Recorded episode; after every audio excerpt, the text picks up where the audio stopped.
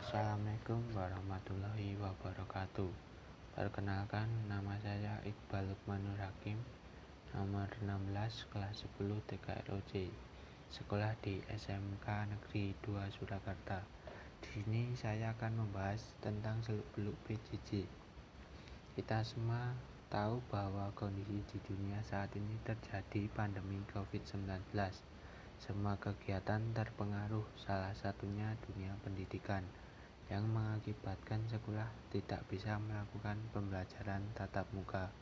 Oleh karena itu, salah satunya dengan cara pembelajaran jarak jauh atau PJJ. Tetapi ada dampak negatif dan positifnya.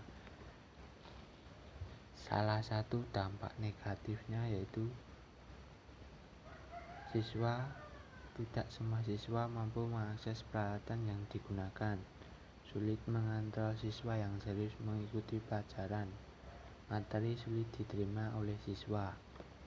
Dan dampak positifnya, waktu dan tempat lebih efektif siswa bisa langsung mengikuti proses belajar dari rumah.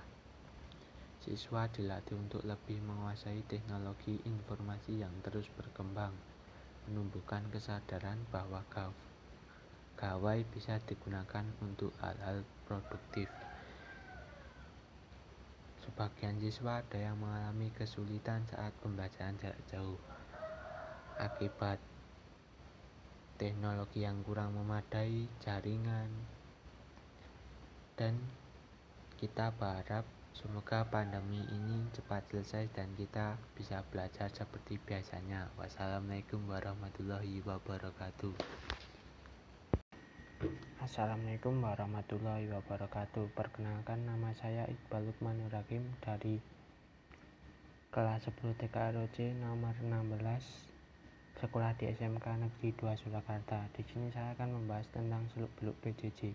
Kita semua tahu bahwa kondisi di dunia saat ini terjadi wabah COVID-19 dan semua kegiatan terpengaruh. Salah satunya dunia pendidikan yang mengakibatkan sekolah tidak bisa melakukan pembelajaran tatap muka seperti biasanya. Maka dari itu, kita harus melakukan pembelajaran jarak jauh atau PJJ. Tetapi ada dampak negatif dan ke positifnya atau kelebihan dan kelemahannya. Kelebihannya waktu dan tempat lebih efektif. Siswa bisa langsung mengikuti proses belajar dari rumah. Siswa dilatih untuk lebih menguasai teknologi informasi yang terus berkembang menumbuhkan kesadaran bahwa gawai bisa digunakan hal-hal yang produktif. Kelemahannya, siswa tidak bisa mengakses peralatan yang digunakan. Sulit mengontrol siswa yang serius mengikuti pelajaran. Materi sulit diterima oleh siswa.